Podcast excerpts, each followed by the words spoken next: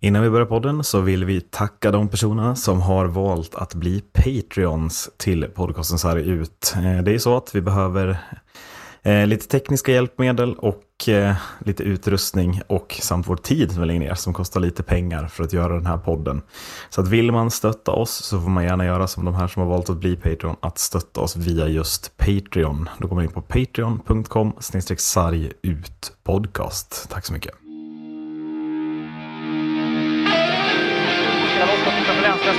Grenberg. Grenberg går via sargen bakom huvudet. Sundin går in fast. Där vi mål! Mats Sundin gör 1-0 för Sverige!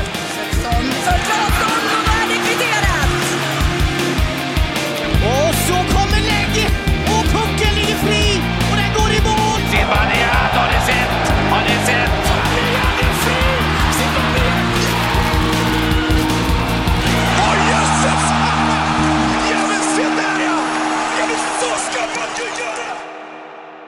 Då säger vi välkomna till avsnitt 131 av podcasten Sarg ut, Marcus. Och det känns jävligt skönt att sitta här efter fyra fullsmetade liksom, dagar av ishockey onsdag, torsdag, fredag, lördag jämfört med hur det var förra veckan. Det var ett litet sämre avsnitt måste vi säga. Ja. Eh, Du är nöjd antar jag? Sex poäng mot lag i botten av tabellen eller i bottenregionerna. Fin Ja. jävla vecka eller? Ja, verkligen. Nej, Men också för att bara benämna hur, hur skönt, alltså det kändes som en del av en var borta ett tag där under, under den veckan och sen så var det lite hopp när det började, det här Global Series kommer att rädda livet på en lite där i den veckan också med tanke på hypen kring det. Och, men äh, jävlar vad skönt det var att få liksom en fullsmetad vecka där, där det blir liksom matcher igen och, och Ja, men dra igång. exakt. Och som dessutom kryddas av NHL Global Series, får man väl ändå säga, som har varit Mm. i Stockholm i helgen. Mm. Eh, stämningen var väl kanske inte det sjukaste man har sett i Globen, men det kändes ändå som en härlig krydda att kunna, ja, men att kunna komma hem från 10 mil eller 20 mil tur och retur Mora i fredags och ändå hinna se en period NHL och dessutom se Toronto vända då mot Detroit var ju jävligt fint. Ja. Eh, Men också se, alltså sen när, det, när de ändå väljer att köra så många matcher här, eh, var, tycker jag var en väldigt skön krydda. Det var, alltså det var väldigt uppfriskande att se lite folk på tuben där det sker, alltså där det är liksom Toronto-tröjor, Minnesota, det var Senators såg jag också.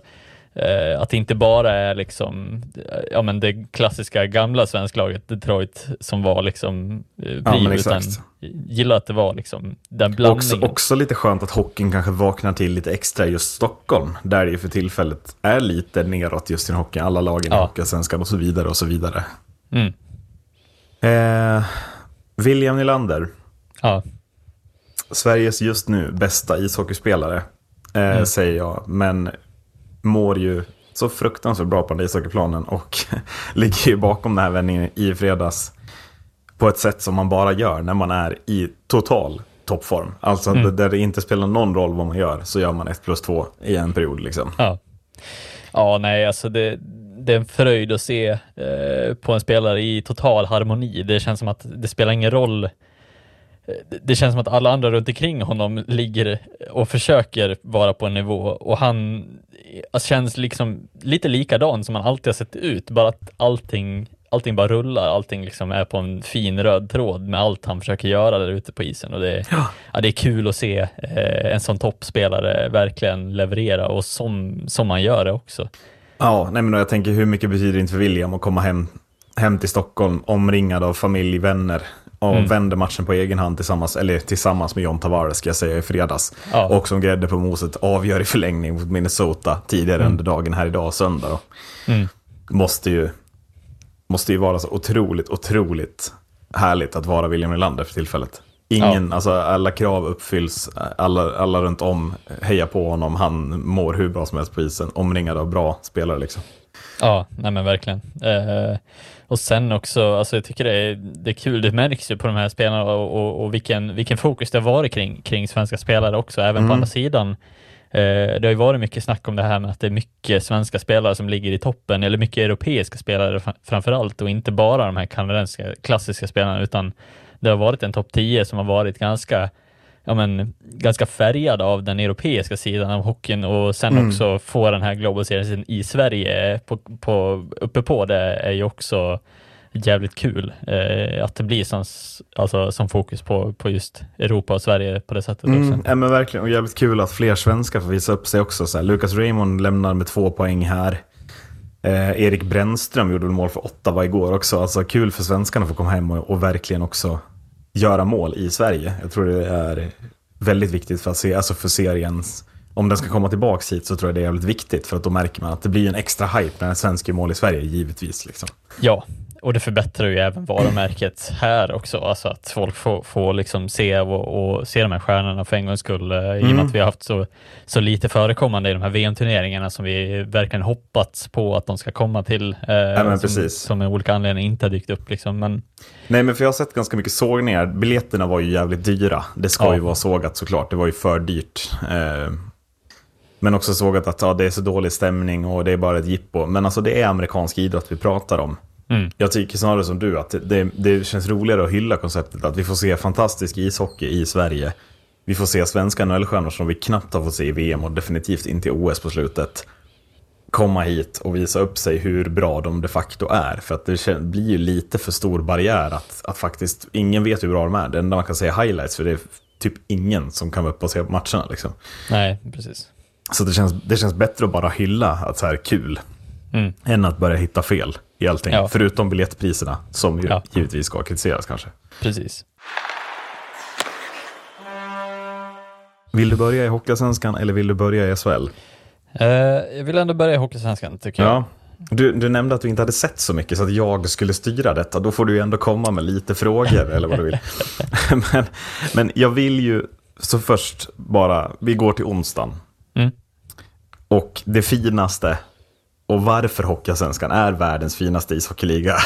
Ja. När ett Tingsryd, svintaggat, åker till Gävle mot ett totalt omotiverat Brynäs. Mitt i november, vad var det vi sa? 0-2 Tingsryd, smack.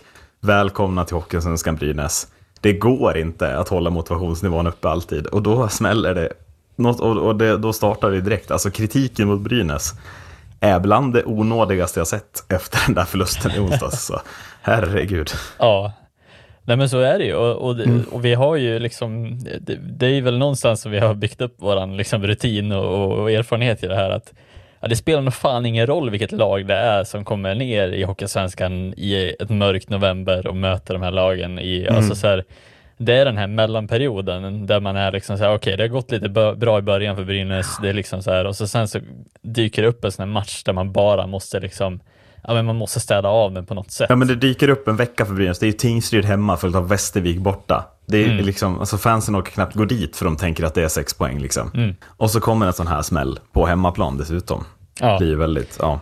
Precis, och, och det, det farliga blir väl också när man, när man lämnar den första period eh, 0-0 mot Tingsryd, att det är då det börjar vara liksom så här, men fan varför, går, varför funkar det liksom inte? Varför, varför är vi inte liksom, Nej, varför men- kör vi inte över dem? Liksom? Precis, och går man inte på 100%, när Tingsryd då får 1-0, så innebär det att Tingsryd går upp till 110%. Mm. Och det är jävligt svårt om man inte har börjat på 100% som Brynäs inte gjorde den här matchen. Det är jävligt svårt att komma upp i den nivån och bara hitta den sådär. Utan man lär ändå liksom jobba den från start så mycket som möjligt i de flesta matcherna. Sen kommer det aldrig gå att vara 100% hela matchen i Hockeysvenskan. Så bra är inte lagen, inte ens Brynäs. Men att Nej. om det går trögt från start och motivationen inte riktigt finns där som man behöver, då är det ju enormt svårt att hitta den nivån när Tingsryd gör 1-0 och man hela tiden in tänker nej men vi kommer lösa det här. Ja. Och det är ju den fällan man sist går i, att nej, ni löste det inte, det tog slut på tid liksom. Ja, ja precis. Och, och det är sådana smällar man måste leva med att, med att ta också. Jag menar, det gjorde samma med HV också, samma med, med oss när vi åkte ner, samma med Djurgården. Alltså att det, det går inte att undvika sådana här typer av förluster. Eh, nej, och Djurgården har ju varit absolut sämst på att undvika dem, ska vi väl ändå säga. Ja, Brynäs har gjort, HV gjorde det ju bra, Brynäs har också gjort det bra, förstå mig rätt. Att de har ju ändå vunnit majoriteten av sina matcher. Eh, men att, att det fortfarande kommer sådana här smällar där ett lag som alltså hade 20 miljoner mindre i lönebudget, Ja. har, enligt Sanny och Svensson ska vi säga. Så det går ju inte att inte älska det. Det är helt omöjligt. Och, alltså, så här, jag, jag, kan jag hoppas ändå att du känner när du ser resultatet att fan vad jag saknar Hockeysvenskan också. eh, inte bara lever in i SL-bubblan. Liksom. Ja, nej, absolut. Det, jag, jag håller väl fortfarande kvar i att jag tycker att allsvenskan stundtals är en mycket mer attraktiv hockey. Eh, framförallt för att, det kan, för att det är så här också. Alltså, så här, Mm. det, är lite, det är lite mer vilda västern, det är lite mera det kan ske såna här typer av, av matcher och det kan ske liksom, det, det är ingen som är, inget som är skrivet i sten. Um, inget lag som totalt, alltså det är klart att det finns lag som dominerar totalt, men att det, det är sällan det går alltså, rakt igenom en hel säsong där det bara är fullständiga, eh, fullständig överkörning. Nej, men det går inte att städa av någon om du inte är på 100%. Nej. Och det är det här vi försöker säga. Hur fan ska man som ett lag som Brynäs, som har spelat SHL i all oändlighet, kunna vara motiverade på hemmaplan en onsdag kväll i kanske det kallaste, gråaste, mörkaste november jag upplevt på jag vet inte hur många år, i alla fall på de här breddgraderna. hur, hur ska man kunna vara det när man ändå ligger i toppen av tabellen? Till sist så kommer det en sån bekvämlighetsmatch där man inte gör jobbet. Nej, precis. Och det blir lösningen på, på varför Hockeysvenskan är så fin på många Mm. sätt. precis. Eh, BIK Karlskoga Mm. har tuggat igång, har du noterat? Ja. Eh, kul, Mm. tänker jag. Eh, sex segrar senaste åtta matcherna och då är en av förlusterna efter förlängning hemma mot Djurgården där man tappade, ja det minns vi alla hur man tappade den förlusten liksom. Mm. Eh, hur mycket ska vi börja räkna med Karlskoga och hur, hur jobbigt är det i det här läget att möta Karlskoga? Alltså, Ja, alltså det är väl lite som, alltså så jag, jag tror fortfarande att, att BIK Karlskoga, de hade en lite knackig start. Lite knackig start. Ja, lite knackig start. Sex raka torsk. ja, precis. Det, det kallar man lite kn- knackig Ja, vad är då mycket knackig under? Ja. Eh, 13 raka torsk. Ja, Ja, precis. nej, jag förstår vad du menar. Ja. Eh, nej men och sen, alltså så här, för, för jag, jag vill ändå, alltså jag kommer fortfarande tolka BIK Karlskoga som, som ett hett lag i, för I kampen en- om topp 6. Ja, Eller hur? Eh, och det, det kommer man aldrig komma undan med men när man pratar om BIK Karlskoga heller, för att de hittar alltid, de lyckas alltid hitta tillbaks till, till vad de är för någonting, deras Mm. identitet eh, i Hockeysvenskan och, och lyckas alltid, oavsett material, känns som, hitta tillbaka till vägen hur man, hur man vinner matcher, även mot de bättre lagen. Eh, sen har de givetvis liksom fortfarande problem med, med jämnheten över en hel säsong. Det kommer de förmodligen alltid ha, känns som. Eh, men men jag, jag tror att BIK Karlskoga kommer förmodligen kliva in i en period nu när man, när man är lite bättre. Man kommer att plocka lite poäng upp mot eh, toppen, förmodligen byta ut en av lagen, Kalmar eller Nybro högre upp. Framförallt Tingsryd kanske eh, kan jag inte riktigt lita på att de, de kommer att honka, honka kvar, hänka kvar. Nej, men jag, jag, tänker att, jag tänker att det är framförallt Kalmar och Nybro som blir intressant att se. De lagen har ju spelat färre matcher än Karlskoga. Eh, Hur de...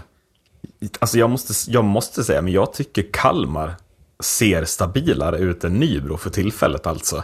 Ja, Eh, och det trodde jag inte jag skulle säga. Jag trodde Kalmar var de som skulle börja dippa fullständigt. Men, men att eh, Kalmar fortsätter ta sina segrar. Theo Chervidis fortsätter vara otrolig, framförallt i offensiven, även fast han är back. Men jag menar, Kalmar gör en sån värvning som Kim Strömberg, en 35-årig finne med rutin från liga och SHL. Det kan ju bli vad som helst. Men Ja. de får träff på en sån spelare. Och när man får det, jag menar, han håller ju en nivå som är jättebra för Hockeysvenskan. Så att jag tycker Kalmar tänker väldigt smart. Och som du säger, jag menar, det är inte vilket lag som helst som i omgång 16 ändå kan slå ett formstarkt AIK hemma genom att hålla nollan. Man har ju någonting på gång. Och man har ju det också tack vare att de som kommer från division 1 verkligen lever upp bättre till allsvenska förväntningar än vad man trodde. Att de håller ju i stort sett lika bra klass, om inte bättre, än exempelvis Västervik. Eh, och deras lägsta nivå liksom. Ja. Eh, Östersund ska vi inte prata om, jag tycker att de är så sjukt trubbiga. Eh, Så att, nej, jag, jag ser, som det ser ut nu, så alltså, jag vet inte, Östersund och Västervik, hur ska de lagen kunna bara lämna den här botten utan att något lag börjar tappa enormt? Och det ser jag inte Nybro, det ser jag inte Kalmar, det ser jag inte Karlskoga, det ser jag inte Tingsryd göra.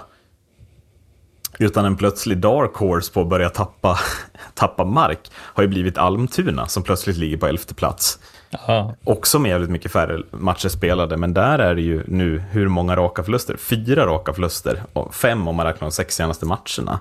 Mm.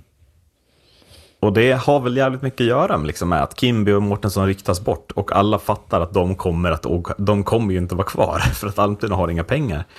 Räkna in det, nya tränare som inte har den magin som Kimby har. Det är 600 pers på läktaren i Almtuna. Det är ett ungt lag som ska leverera under press. Ja, se upp Almtuna, säger jag. För här kan det ju gå riktigt illa om du vill se det dåligt. Liksom.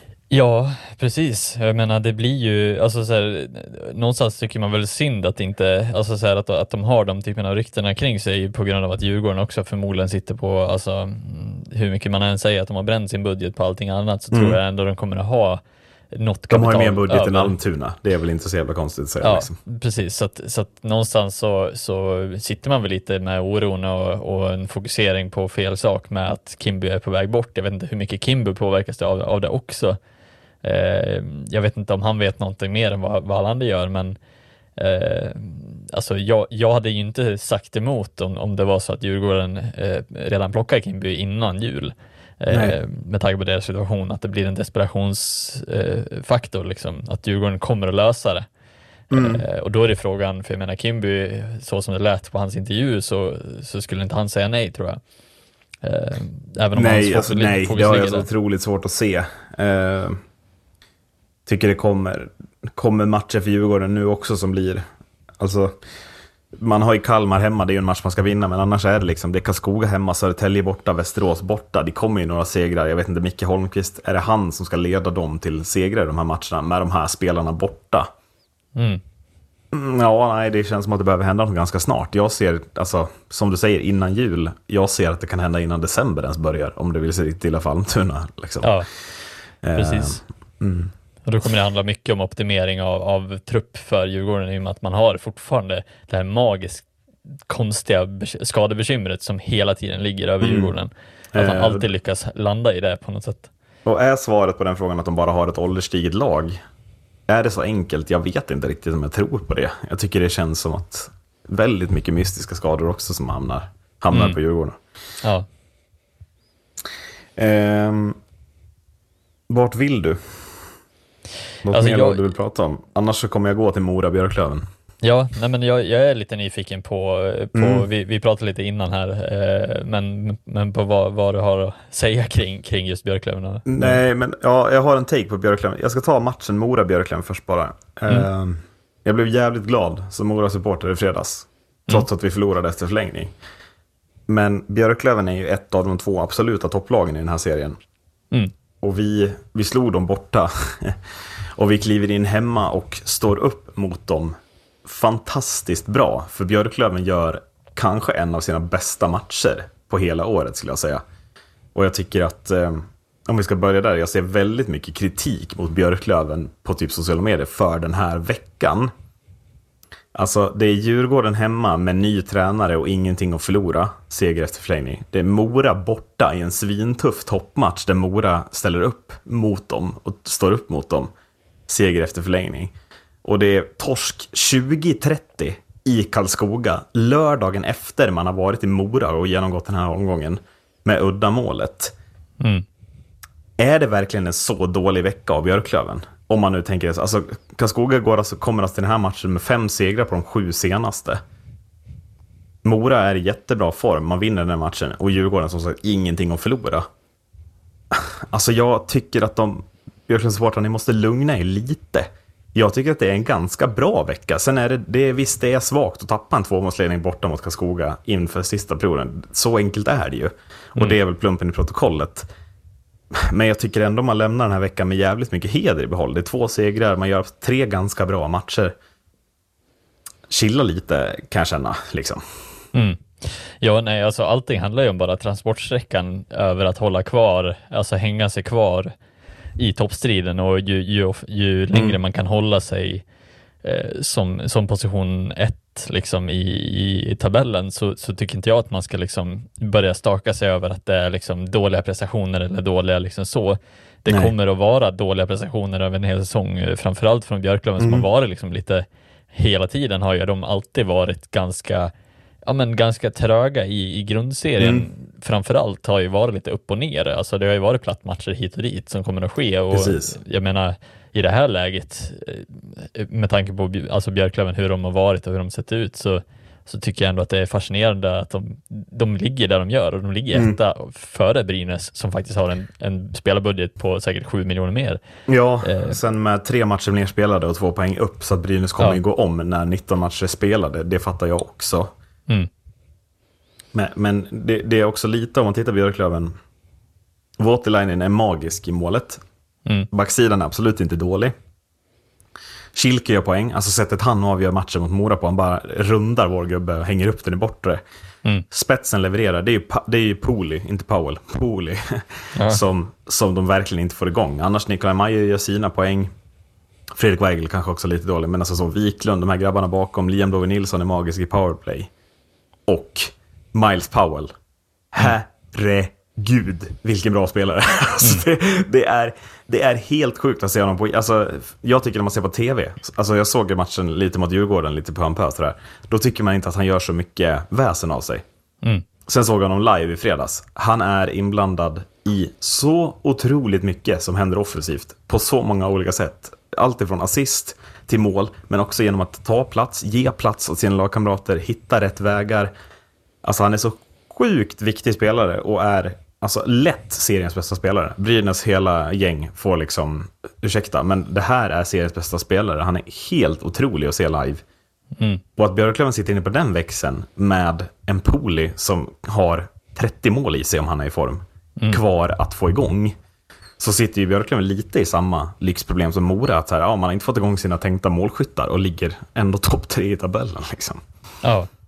Nej, och så är det ju. Alltså, då, då visar man ju ändå på att man har Alltså man har sån otrolig eh, ja, men potential i att, i att eh, kunna ta det till nästa nivå också. Eh, sen tycker jag det är sånt otroligt bra statement av Björklöven att visa på den allsvenska värvningsrutinen också. Jag tycker man har, alltså man, man tar Miles Power som man vet vet har spelat i Hockeyallsvenskan, man, men har liksom en nivå till där han faktiskt skulle kunna vara, alltså han är ju någonstans mitt emellan SHL och Hockeyallsvenskan. Och var ju direkt delaktig i HVs uppgång. Ja. Får vi inte glömma heller. Han vet hur man går upp. Precis som Mm. Wessel, precis som Keller vet i Brynäs. Precis. Eh, så, att, så att där måste man ju bara liksom ta hatten av från en, eh, en otrolig värvning igen från Per Kente som, som egentligen är väl kanske en av, de, en av få värvningar i år eh, till Björklöven som bara kryddar det här laget lite extra och ger dem den här edgen som, som kanske inte riktigt finns där bland, bland alla andra förutom Brynäs. Eh, och där måste man ju ändå liksom kunna se höjden i vad Björklöven kan åstadkomma och, och kan liksom utmana med framöver också. Jag menar, får man igång, som du säger, Pooley också, ja, men då, då ska ju Brynäs vara på riktigt oroliga också. Exakt. Problemet just nu, tycker jag, när jag kommer till min spaning om Björklöven, är att jag inte vet om Brynäs ska vara så jävla oroliga. Eh, och sen ska också ligan vara jävligt orolig. Men, alltså Björklöven på slutet nu, det är inte superinsatser mot Nybro borta. Västervik borta är 5-0, det ska vi inte prata om hur dåligt det var. Djurgården hemma, Mora borta är en bra insats, sen torska mot Karlskoga. Jag tycker att Björklund fortfarande har ett problem att lägsta nivån är alldeles för låg. Och det riskerar man att förlora för många viktiga matcher med, även i ett slutspel. Jag tyckte man vek ner sig förra året. Alltså, jag ser det hända igen. Men generellt så tycker jag när jag ser på Björklunds högsta nivå att så här, det här är det bästa Hockeysvenskan har att erbjuda. Det är lite för dåligt just nu. Det är lite för dålig kvalitet. Glappet har liksom, det känns som att det har blivit ett ännu större glapp mot SHL. På ett sätt som är mm, ganska jävla oroväckande, skulle jag säga. Eh, och jag, känner, jag känner lite samma med Mora, att Mora, om man ser till våra insatser hittills, att vi ska ligga trea. Vi har gjort många bra, absolut. Men jag vet inte om jag tycker att vår säsong hittills är värd en tredje plats, snarare en sjätte plats kanske. Eh, det känns sådär, måste jag säga. Och det känns som att om man bortser från Brynäs fatala poängtapp mot Tingsryd här hemma nu då, så känns det som att Brynäs har en nivå i sig som ännu inget annat lag har visat upp. Eh, och jag känner lite att risken är att det bara är en transportsträcka för Brynäs till slutspelet där de kommer att gå upp. Och det vill jag inte att det ska vara. På ett sätt som är kanske lite för mycket sett till att ändå Björklöven är med i toppen och ska utmana. Men att jag saknar, liksom, jag saknar det där dominanta Björklöven. Som vi inte riktigt har fått än på något sätt. Jag vet inte. Nej. Och sen förstår jag heller inte Björklund på tal om värvningar. Man har gjort många bra. Eh, Björklöven har vunnit nio av sina tolv senaste matcher, Marcus. Mm. Vad är unikt för de här tre förlusterna? Ja, platt match. Nej, det är, en, det är en grej till. En gemensam nämnare till. Eh, produktionen framåt kanske. Att Jona Voutilainen inte har stått i mål i de här tre Mm. förlustmatcherna. Ja. Hur kan Björklöven ha satt sig i en position där målvakten i ett tilltänkt topp 2-lag är och nosar på, på riktigt MVP-stämpel. Jag sågade det förra veckan, men den här veckan har jag gjort det ganska tydligt för mig att fast, alltså, det är typ han som är deras viktigaste spelare. Mm. Och det känns, alltså det är det som jag reagerar på är för dåligt. Alltså Björklöven ska ha all, mycket bättre backar, de betalar för mycket bättre backar och man ska ha tillräckligt mycket produktion framåt för att inte målvakten ska behöva vara en sån otroligt viktig del för att överhuvudtaget vinna matcher. Och jag ser liksom inte, man måste typ värva en målvakt till. Inget ont om Melke Thelin, han kommer ju få chansen nu fram till JVM, där de ju vill ha in honom som typ Björklövens första JVM-spelare någonsin. Ja. Men sen när det ska börja gå mot bara SHL och inget, eller och ingenting annat. Frågan är om inte Björklöven behöver spetsa målvaktssidan. Mm. Att det är oundvikligt. Ja, Ja, jag håller med. Alltså det blir ju lite, det, det, de här åren som man ändå har fått följa Björklöven eh, ganska nära så, så känns det som att Björklöven sällan har haft det problemet som är eh, just nu också. Nej, alltså så precis. här att det oftast varit det andra som har varit liksom, alltså så här, det har varit forward, stark forwardsida, det har varit stark backsida som oftast har burit Björklöven och kanske haft en svagare Eller för bra motstånd, typ åren när HV går upp. Alltså, Ja, precis. då är motstånd, då är Björklöven inte redo för att vara så bra som man är i år, upplever jag. I år är man ju redo att utmana Brynäs. Det var man inte riktigt mot HV ändå. Mm. Men att... Jag vet inte om de är det ändå. Och det känns lite som ett underbetyg. Eh, på något sätt. Jag vet inte. Det känns... Jag känner mig lite oroad för ligan. Att det blir mycket ett lag som åker ner och direkt går upp. Jävligt mycket. Många år i rad nu. I alla fall om det fortsätter. Nu, nu ser det ju ut att bli Oskarshamn som åker ner. Vi kommer till det. Eh, Men att det kanske gör ligan gott att inte få ner ett lag av Brynäs HV-kaliber. Jag vet Mm. inte.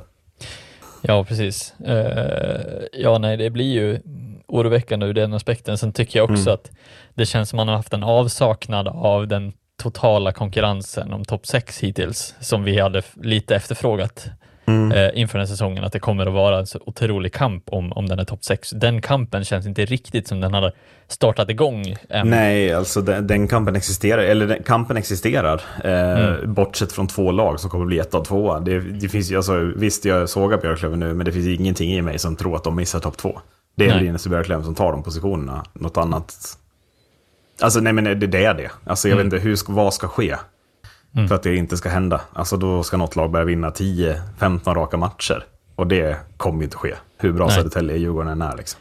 Nej, precis. Sen ska vi väl också vara, vara lite så här, eh, alltså Björklöven, alltså om man tittar på förra säsongen också och kanske tidigare, att det känns som att de har haft en period där de faktiskt kommer igång på riktigt i under grundserien och bara, alltså så här, som förra Mm. säsongen, alltså man är på väg att hämta ikapp hela det stora gapet som Modo ändå hade. Och Ja man men precis, det, att man alltså, är ju lite slow starters. Ja. Eh, men är inte problemet för Björklöven att de är det? Mm. Alltså de måste vinna, man måste bli etta. Det är ju ganska tydligt, det är väldigt bra att bli etta, men alla som har gått upp de senaste åren har blivit etta. Modo Mm. blev också etta. Och då har man inte riktigt råd att förlora med 5-0 borta mot Västervik. Man har inte riktigt råd med att tappa 2-4 mot Karlskoga till förlust efter full tid. Hur bra motståndet än är, hur tufft matchen den är, så måste man lära sig att vinna sådana matcher, eller att vara alltså så. Mm. Man kan inte förlita sig på att Tingsryd ska åka och vinna i Gävle för mycket. Och nu blir det den igen. Ja, Björklund riskerar att bli tvåa och då är vägen genast mycket tuffare framåt. För att Brynäs får välja först i semifinalen. Ja, precis. Eh, ja. Någon mer? Nej, vi lämnar Hockeyallsvenskan Ja. och går till SHL. Där vi snabbt konstaterar att Oskarshamn kommer att spela playout efter den här veckan va? Eh, det blev... Jag vet, du får säga, du såg väl matchen mot Modo, antar jag? Ja, det gjorde jag. Eh, nej men alltså det, det- är väl lätt att liksom sitta här och säga nu att Oskarshamn, alltså det problemet som Oskarshamn har jag tycker att man blir, man spelar för mycket likt någonting som skulle kunna klassas som ett hockeyallsvenskt spel. Eh, jag tycker att det blir väldigt, alltså det blir väldigt ihåligt när det inte klaffar ihop, eller klaffar igenom alltihopa, hela spelet. Eh, jag tycker det blir alldeles för ihåligt även när, alltså, när toppen inte presterar. Alltså, det finns väl spelare i det här laget som typ inte ens har varit inne på ett mål framåt om jag inte minns fel. Nej, men exakt. Eh, Alltså att det finns alldeles för lite bredd i det här laget för att det ska liksom bära hela vägen. Eh, och, det, och det känns på ett sätt någonstans inte alls i närheten av lika spetsigt framåt heller som det har varit. Jag tycker inte att Karlqvist, alltså Karlqvist kommer upp ibland givetvis och ser ut att vara, men, men han kan liksom inte vara deras enda hopp om att hålla sig Nej kvar. men, nej, men alltså allting handlar ju om Karlqvist och Lodin. Mm. Den duon. Om de har stuga, alltså gör tre poäng var, då har Oskarshamn sam chans att vinna matchen. Mm. Har de inte det, vilket de inte haft i så många matcher, så har de ingen chans att vinna, typ. Alltså det är på Mm. den nivån att så här, nej men, då är chansen borta för dem att ta en seger. Ungefär. Mm. Och sen tycker jag man spelar, man spelar alldeles för mycket kort på, eh, på kontringar, eh, vilket gör att när, när de inte fungerar och när det inte sitter de lägena så blir det alldeles för svårt för dem att, att hitta mål framåt. Jag tycker att man gör, man gör ett tappert försök mot Modo att, att dra isär vårt lag. Vi ligger ju, som, som många vet om, liksom, att vi ligger ganska högt med, med backar, vi ligger högt med vårt lag. Men när vi väl får allting att klaffa så plockar vi även upp de, de som sticker eh, tidigt i, liksom, i anfallsspelet. Ja. Och, och gör vi det mot, mot Os- Oskarshamn och plockar ner dem, ja då gör ju resten av, av SHL det också. Precis. Eh, jag tycker att det blir alldeles för mycket tyngd på att man ska försöka, man ska försöka hitta ut med alltså snabba kontringar, långa Mm. passningar, hitta en som, som hela tiden släpar upp mot den högre.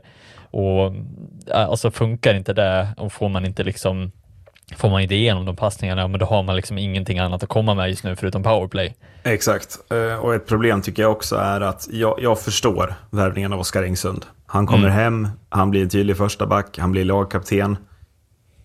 Men om man tittar på vilken typ av spel Oskarshamn behöver spela för att lyckas. Hur väl scoutad är verkligen värvningen av Oskar Engsund? Mm.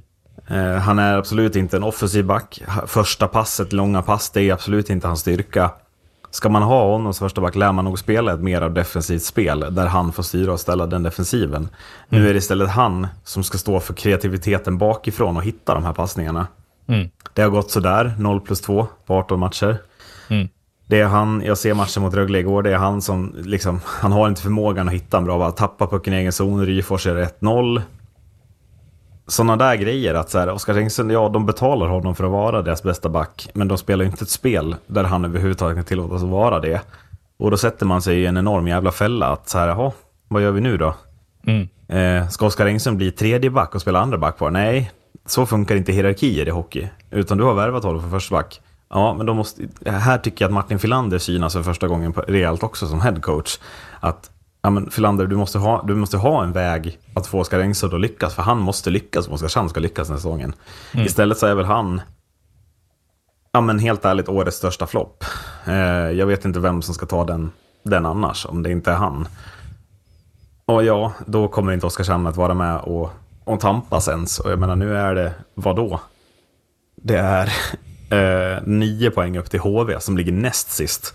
Det är ytterligare fyra till från HV upp till Rögle som ligger ovanför strecket.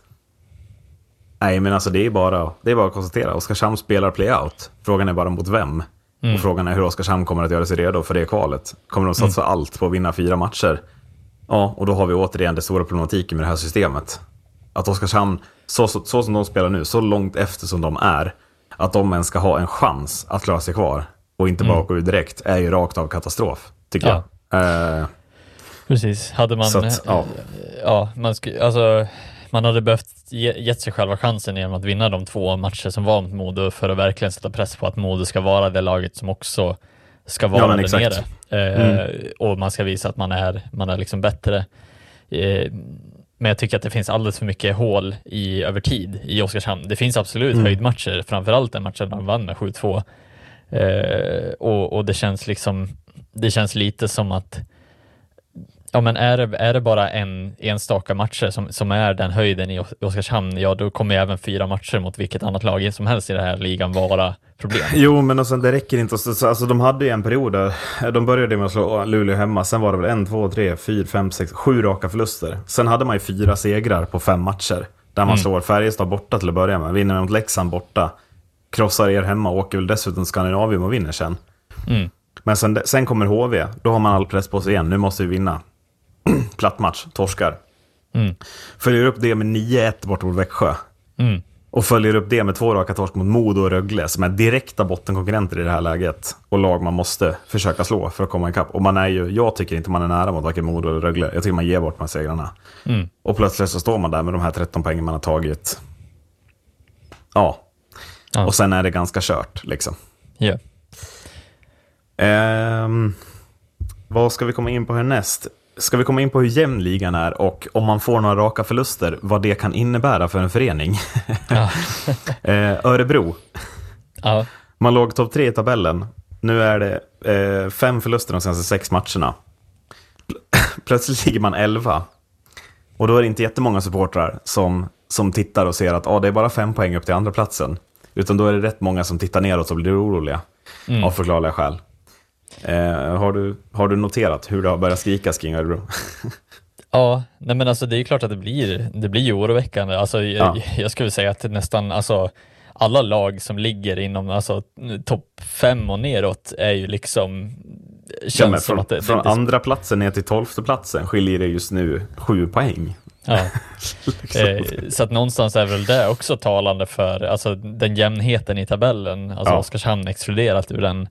Eh, känns Och Färjestad att, också fortfarande exkluderat, hävdar jag. Som det också Efter- inte heller gynnar Oskarshamn riktigt i, i, i argumentationen. Nej, men att e- exakt. bli blir, och, och samma, för, samma för HV och Rögle. Att Mm. Det spelar ingen roll att man vinner, för att de här lagen ovanför, fort, alltså, allt, det är alltid något lag som vinner där. Så man har svårt att liksom ta placeringar utan att själv vinna väldigt många raka matcher. Mm. Eh, och, och gör man då istället som Örebro, förlorar några raka matcher, då faller man ju som en jävla sten genom tabellen. Mm. Bara på liksom, att andra lagen slår, någon måste vinna. Och då har man inte råd att göra några plattmatcher heller. Det är väl det som är framförallt den Nej, nej, men absolut. Eh, men jag menar Örebro, de har plus i plus, mi- eller plus minus fortfarande. Mm. Det, det handlar ju i det här läget om att supportrar att visst, vi har en dålig trend, men det handlar ju om att se det för vad det är och, och verkligen försöka i det här läget peppa laget. För att det är, det är liksom det är sex poäng upp till andra platsen för Örebro i nuläget. Mm. Jag vet inte vad som väntar för spelschema nästa vecka, det kan jag kolla snabbt. Men det är Modo hemma, Linköping borta. Var, varför skulle inte Örebro kunna ta sex poäng? Mm.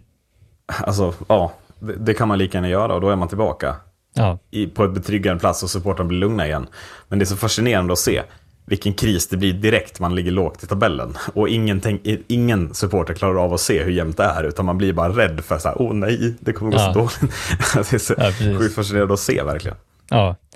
Och att det liksom kastas mellan hopp och förtvivlan där, Ja, där man ligger liksom. Alltså jag känner väl själv också när Modo låg uppe där i, i topp tre.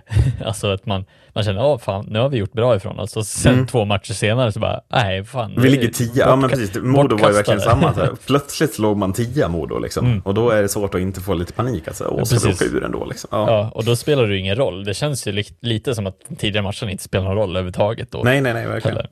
Eh, Så att, eh, på någonstans, eh, nå- något sätt blir det ju så jäkla kul också för varje matchomgång att det blir Mm. så här jämnt för att varje matchomgång blir så jäkla avgörande för ja, men, eh, hur placeringar förändras och hur liksom, ångesten i de olika lagen fördelas ut åt olika håll. Liksom. Ja, men. Nej, men, och sen, men det jag måste säga om Örebro är också... Eh, jag ser ju mycket kritik mot Johan Hedberg. Mm. Exakt samma kritik som jag och alla Mora-supportrar har sagt i tre år. Ja. Man förlorar sex raka matcher och Johan Hedberg står i intervjuer och säger att nej, men vi spelar ganska bra, vi hade lite oflyt. Han säger det på sitt sätt. Det är bara att vänja er. Det är så här det kommer att se ut. Och glöm inte att när har Johan Hedbergs lag varit bra? De har varit bra från januari och framåt. Mm. Om det fortsätter gå dåligt nu, sitt lugnt i båten. Men om ni är dåliga från januari fram till mitten av februari, då ska Örebro-sporterna börja bli riktigt, riktigt oroliga. Mm. Men jag tror att det är då Örebro kommer lyfta sig. Det är då Örebro kommer kliva upp och vara bra. För det är så Johan Hedberg vill spela sin ishockey. Man ska Mm. vara så bäst på våren, man ska inte vara som bäst nu på hösten. Nu har man börjat jävligt bra och låg trea i tabellen ett tag och det var roligt, det fattar jag. Men liksom, gör lite research, se hur det har fungerat för Johan Hedberg. Spelet har absolut aldrig varit som bäst under hösten, inte för Mora på tre år. Och ändå har vi varit väldigt, väldigt nöjda med hur de här säsongerna har utvecklat sig och hur han har utvecklat Mora som förening. Det är det han har påbörjat med Örebro nu. Ja, precis. Jag tror att man också ska, ska liksom ha, ha en eh, mild inställning till den här säsongen också, i och med att man dessutom har bytt ut Johan Hedberg. Jag tycker att han, han fortfarande har gjort det väldigt Bytt bra. ut Niklas Eriksson, menar du, till ja, Johan Hedberg? Ja, Mm. precis. Men att man, eh, man, man helt enkelt har liksom man har fått en ny fräsch liksom, coach i det, man har fått en ny kanske syn på hur man ska fördriva eh, ishockeyn också i Örebro Mm. och eh, med ungdomar som också kommer in och kliver fram. Jag tycker att det, det känns som att alltså, framtiden kan ju se ljusare ut. Jag tror ju inte någonstans på att Örebro kommer att behöva kvala neråt. Nej, Men- verkligen inte. Nej. Men eh, jag skulle inte säga emot heller om det blir liksom en, ett, ett platt fall i en Nej, nej, eller någonting sånt heller. Det, det, tror jag, det, tror jag inte heller. Och, och, men det som Örebro-supportrarna måste förstå är att tar man en tränare som Johan Hedberg så måste man göra researchen. Och i hans fall i det här läget, det handlar om att lita på processen. Processen som är att Johan Hedberg om två eller om tre år ska vinna SM-guld eller ta Örebro till final. Det är jag helt säker på i målet, det är jag helt säker på i tanken med honom som processtränare i det här läget. Mm. Att om två, tre år så ska Örebro vara i final. Sen om det innebär att de kommer nia i år och åker ut i play-in, det måste de ta. Mm. Det, kan, det är så enkelt, det, då får de bara svälja det. Mm. Men det är det som målet och tanken är med den här duon på de här positionerna. Det är att Mm. Niklas Eriksson ska värva spelare som Johan Hedberg vill ha för Johan Hedberg i en process. Och den processen är inte ett år, den processen är flera år. Liksom. Mm. Eh, kan vi inte gå till Rögle-HV då? Ja. Som möttes under torsdagen. Eh, kan vi börja med själva matchen innan vi går till straffavgörandet? Ja. Eh, blir det inte väldigt, väldigt tydligt att man måste ha en jävligt bra målvakt? Eh, jo. Om man ska ha, alltså Joni Ortio. De här två målen som Rögle får göra i sista perioden. Är inte, alltså, det är absolut inga tavlor, men är det inte mål som Joni Ortio måste rädda om HV ska lyfta ovanför den där trettonde placeringen? Är jag inne Jo. på. Jag vet Ja. inte om, om någon, båda får inte gå in i alla fall, är känslan. Känslan är att HV ska ha det här efter full tid. Eh, Mm. Och att en för svag målvakt just nu tillåter Rögle att hämta in den här förlusten. Och Jag tycker att Rögle har samma problem. Varken Kristoffer Rifalk eller Peter Kvartsa känns... De känns inte som tillräckligt bra. Alltså de här lag, de, man behöver ha tillräckligt bra målvakter. Jag tycker det är så många lag som visar upp vikten av det. Eh, Mm. Nu kanske Frölunda är lite av ett exception, för jag tycker Lasse Johansson fortsätter att vara lite tveksam, men Färjestad, svinbra målvakter. Luleå, svinbra målvakter. Växjö, ja, Emil Almberg, MVP förra året. Eh, Marcus Högberg, Linköping. Linus Söderström i Skellefteå. Filip Larsson i Leksand. Lehtinen i Modo. Mm. Ortio och Kvartsa Difalk är inte på den här nivån. Och det är typ det som är helt avgörande. Att de är där nere. Eh, på ett sätt som är sjukt fascinerande, kan jag Mm. tycka. Eh, Jag håller med också. Det, det känns ju, eh, alltså Rögle skjuter ju också mycket mindre skott än vad HV gör i Mm. matchen och jag tycker också, framförallt när de där två målen går in, eh, alltså HV i den situation som de är i känns också som att de, de är i behov av en målis som kan, kan verkligen vara Kan stänga när det eh, behövs, ja. Ja, precis. Kan, kan liksom stå lite på huvudet de matcher som, som verkligen det här behövs. Så jag menar en sån här match mot ett Rögle som ändå inte varit svinstarka hittills eh, ja, men blir väl viktigare än, än, än någon annan match att ha en sån målis som faktiskt kan, kan vara lite avgörande eh, vissa matcher. Mm. Eh, kanske inte varje match, men det räcker ju med enstaka matcher för att det ska liksom Ja, men bära. just den här matchen, att man leder med 4-2 inför sista perioden, man har varit det bättre laget. Just där och då så Mm. måste målvakten stänga igen, eller man måste stänga igen det. Det är HVs svaghet i största allmänhet. Alltså, vinner HV den här matchen efter fulltid, vilket de har alla möjligheter i världen att göra, sett hur matchen har varit, ja då är de på samma poäng som Rögle, för båda lagen vinner sedan lördagen dessutom ju. Eh, så att... Ja, det känns en enormt, en enormt jobbig situation för HV där också med målvakterna. Att, eh, jag menar, Brattström kom ner i Björklöven, det såg vi hur det såg ut. eh, Mm. liksom, är ju absolut inte tillräckligt bra för att kliva in heller. Utan även, jag, säger, precis som Björklöven kommer behöva en, värva en målvakt så tror jag att HV ännu mer kommer att behöva värva en målvakt. Och en målvakt som inte är, alltså Björklöven kan ju värva en lite stabilare andra keeper, men HV måste ju betala för någon riktigt, riktigt bra som kliver in och stänger igen och verkligen räddar poäng åt HV i alla möjliga lägen här. Ja, för att Ortio i, i, alltså i den fas som är med alla andra lag i SHL just nu så tycker jag också att Ortio är ju väl en jättebra backup i, i alltså många av lagen. men han är, alltså objektivt skulle jag säga att han är den sämsta målvakten. Eh, Mm.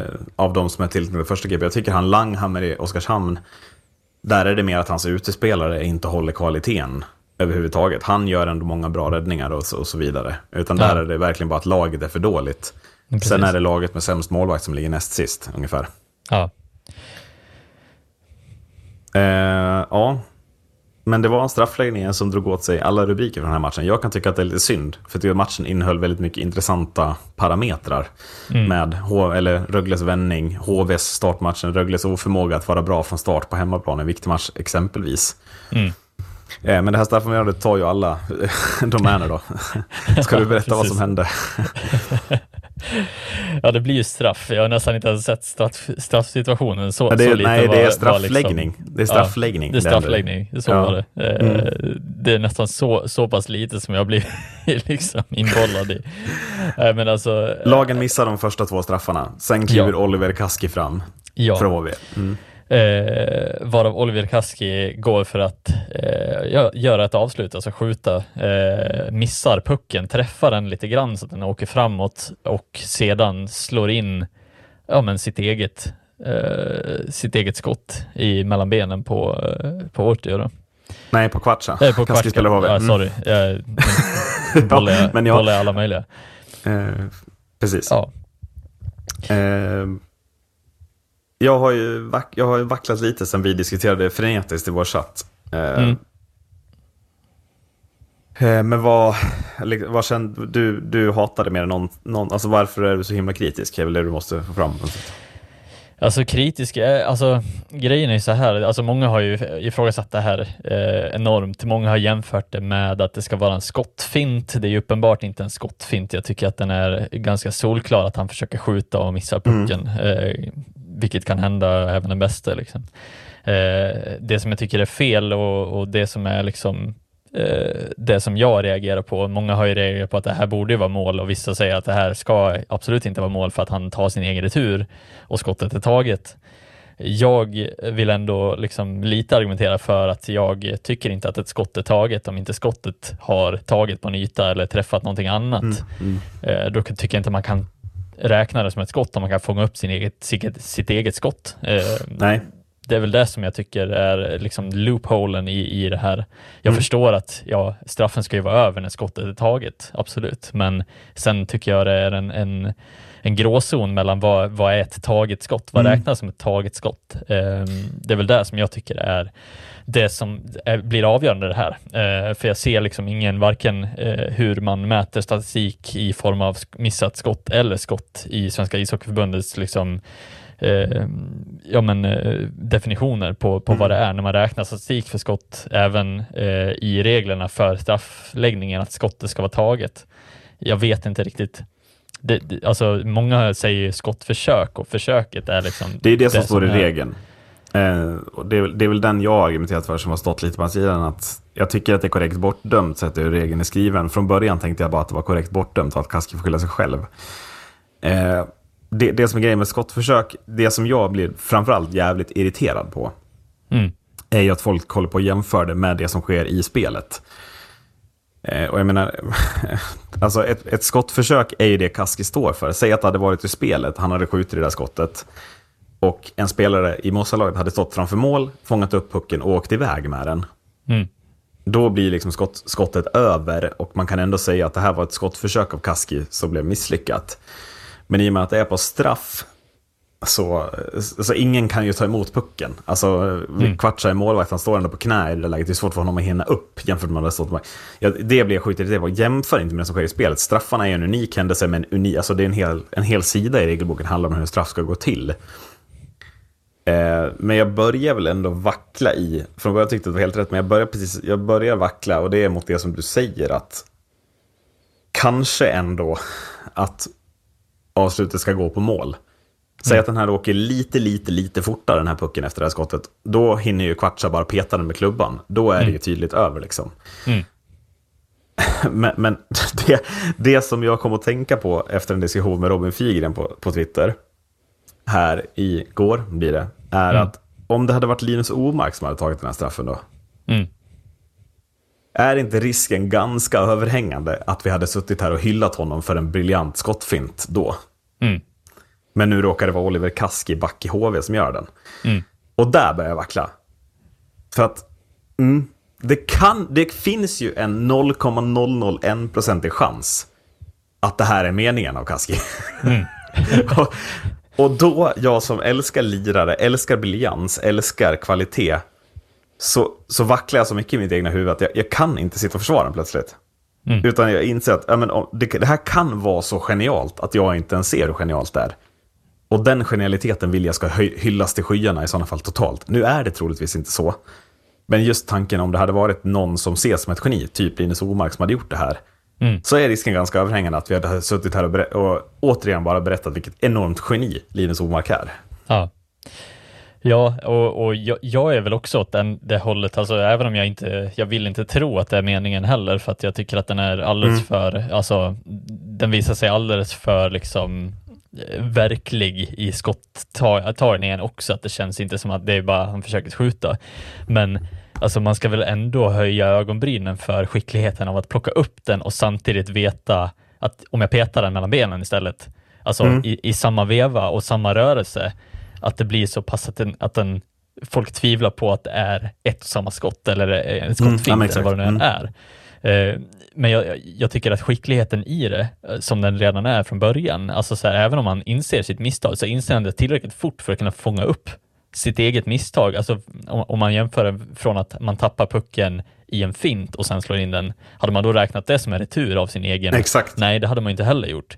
För det Utan- finns ju också den här visprörelsen som är ännu, Mm. som är en typ av skottfint men som blir ännu mer aktuell. Alltså en vanlig skottfint där man lyfter ett slagskott och sen stannar av klubban. Det är ju det som framförallt talar för att det här inte, Mm. eller är meningen som skott, det är att det blir ganska rejäl uppåtsving från Kaskis Mm. klubba. Men, men det finns ju den här, du vet när man liksom sveper pucken åt sidan runt den. Ja, Eh, för, att, för att sen vispa till skottet. Det är ju i sådana fall mer relevant i det här läget. Att då skulle man kunna argumentera för att det är bara ett missat skott. Mm. Eh, ja, och, och, och då, Ja. om man sen skjuter, då är det ett andra gång. Då tar man. Men, men hur ser du på begreppet retur? Är inte det det problematiska här? Domaren säger ju det när han dömer bort den, när han berättar i PA-systemet. Det här räknas Ja. som att han tar sin egna retur. Där är väl regeln på ett helvete. För en retur, Mm. det innebär ju att målvakten har räddat och att man slår in returen, alltså det som kommer Precis. ifrån målvakten. Alltså, det här är ju inte en retur. Nej. Det kommer det aldrig att kunna vara. Det kommer aldrig kunna ses som en retur, hur, vad en regelboken säger. Eller liknande. Där är man ju på väg utför med den här regeln, känner jag. Mm. Och, och där måste man ju väl också alltså, så här, lyfta vad, vad är en retur enligt, enligt eh, ja, men, eh, de definitioner som är i Svenska ishockeyförbundet. Ja, en retur är ju Ja, om eller den enligt det svenska språket. Ja, precis. Ja, Ja. Nej, men alltså, det är ju, då måste den ju ta på en yta och det står ju också i regelboken att den får, du får liksom inte ta din egna retur och den måste ju träffa målisen om det ska Mm. vara en retur eller ribba stolpe. Du får även inte ta Exakt. returen från stolpe ribba. Eh, Då måste den studsa på målisen in för att det ska Mm, vara ett mål mm. i så fall. Det är Precis. enda returen som får ske, men här så blir det ju liksom, det blir ju aldrig till att det kommer att vara en Nej, men retur. för, för retur är ju att någonting är mot någonting och sen tillbaka. Det är ju, eh, även i reseformat är ju det Ja. retur. Ja, nej, Så det här är ju fortfarande på vägen fram. Alltså Ja. kan det inte vara en retur, utan det är snarare Nej. att betrakta som en styrning då. Mm. Eh, att han styr sitt egna skott.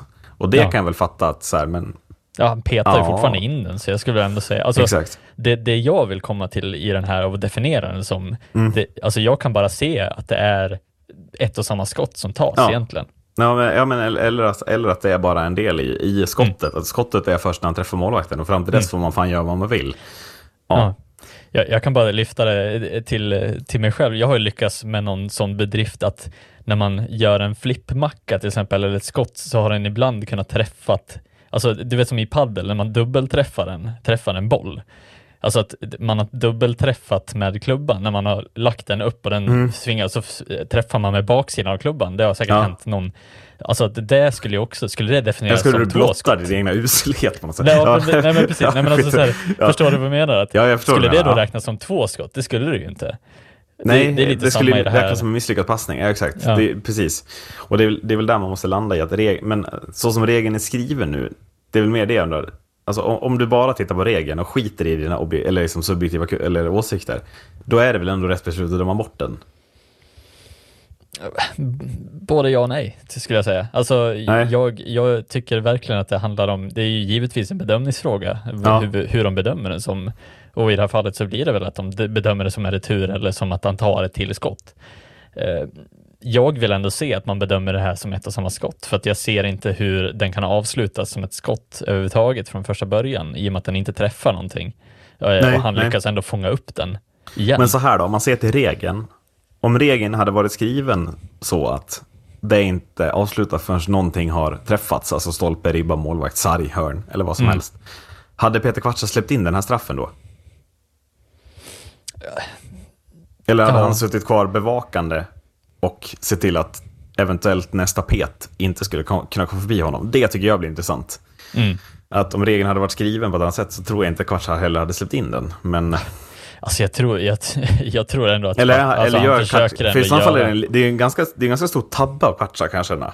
Mm. Att typ glida ut med den med tomma ben på något sätt. Jag vet inte om han gör det, om regeln är skriven på något sätt. Men det kan, alltså jag, ser inte, jag kan ju inte på något sätt garantera att han inte gör det. Men Jag, jag tycker ändå det ser ut som ett ganska bra försök att, att ändå, han blir ju ändå lurad av att det är en riktig skottrörelse från första början. Jag tycker Ja, att jo. han blir ganska ställd av att det kommer inget skott överhuvudtaget och sen så Mm. är han ganska blottad i att han bara ja, mellan benen i den rörelsen för att alltså även om du gör den rörelsen utan att skjuta sådär så är den ju ganska blottande för målsare i sidled. Mm. Eh, vilket jag tycker än en gång att det blir väldigt skickligt gjort. Eh, Mm. Att bara peta in den ändå. Hade den bara inte gått in så hade det inte varit en snack om det. Eh, men ja, jag, jag tycker skickligheten här blir ju någonting annat i att han plockar upp sin egen, sitt eget misstag och gör någonting av det. Mm, Precis som mm, med mm.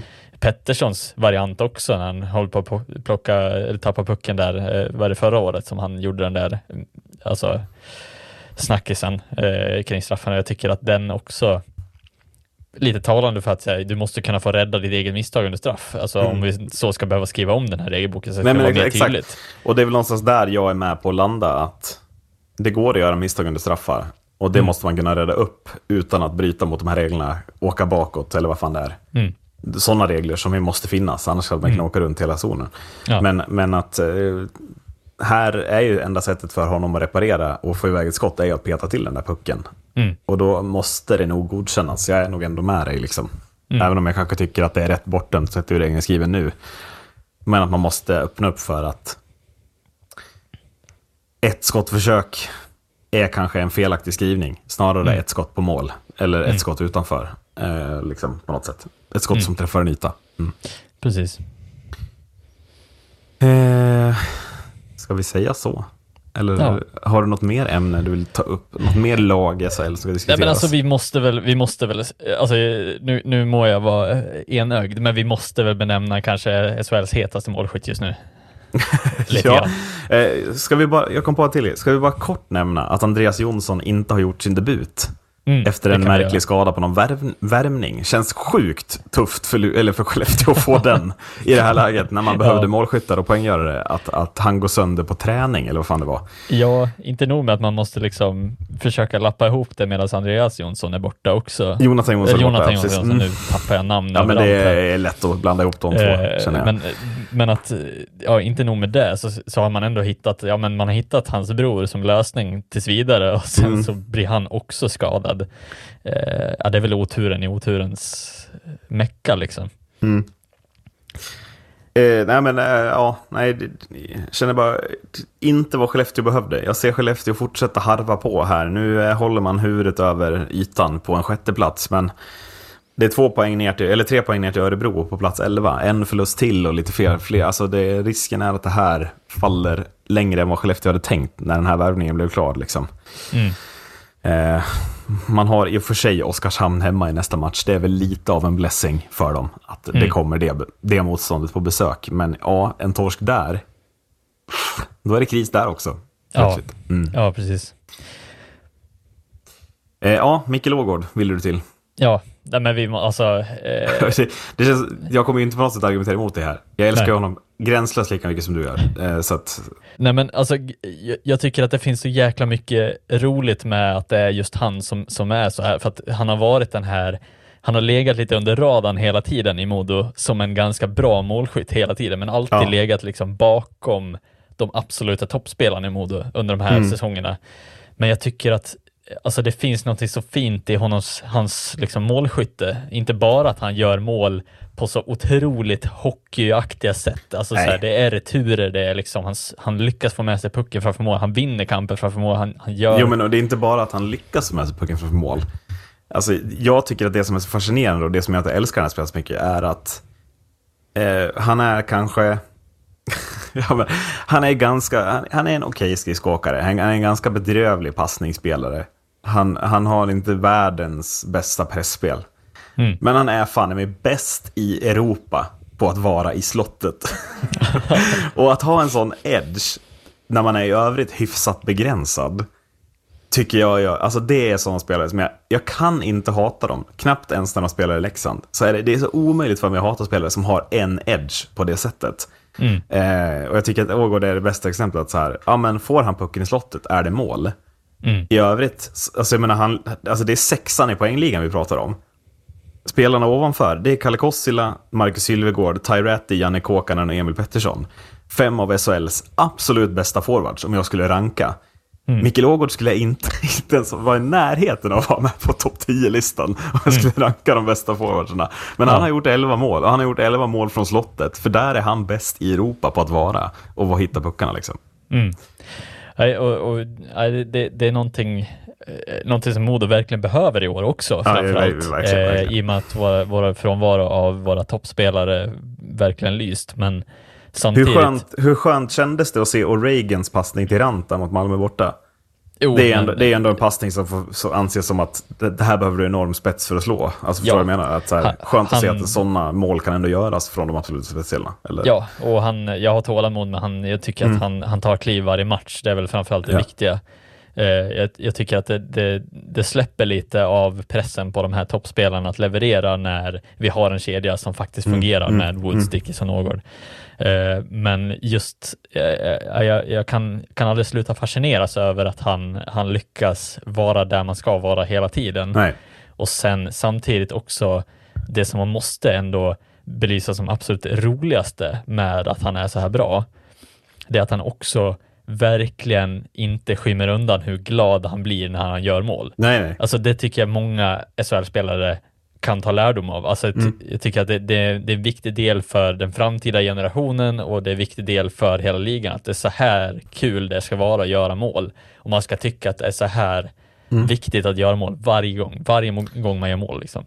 Men jag tycker att vi har fått in... eh, Det har blivit jävligt mycket bättre i år, just den parametern. Jag tycker att det, dels har det kommit in några fler i ligan, men det, generellt har man också blivit bättre på att eh, jubla för mål. Marcus Sylvegård leder poängligan, tror jag. Han är jävligt bra på det. Han den här Pajuner med i Malmö, Kåkanens radarpartner, han är ju otrolig på det också. Jubla för mål verkligen. Mm. Eh, så det där känns eh, som att det är på gång med liksom. Mm. Eh, Jag förstår vad du menar, jag tycker det är jätteviktigt också. Mm. Eh, bara för liksom belysa, man, man ger energi till laget, man ger energi Mm. till publiken, man ger energi till alla i princip. Även om det kan vara ett skitmål, alltså det spelar ingen roll om man petar in den på, på tre returer, utan det ska vara liksom, varje mål är lika viktigt i den här ligan Mm. och jag tycker Mm. att det, det är han jävligt bra på att Brock belysa också. Little, en annan som har en bra säsong, som är jävligt Ja. bra på det. Ja, ja, Ja. men verkligen. Eh, så att, ja. Känns kul att lämna i, på sån dur. Mm. Bli glad när du gör mål, och det är de bra på. ja, Eh, vad ska Oskarshamn göra lite mer av? jag ska spela lite mer sarg ut. Det ska de göra. Tack för att ni har lyssnat. Hej då! Hej då.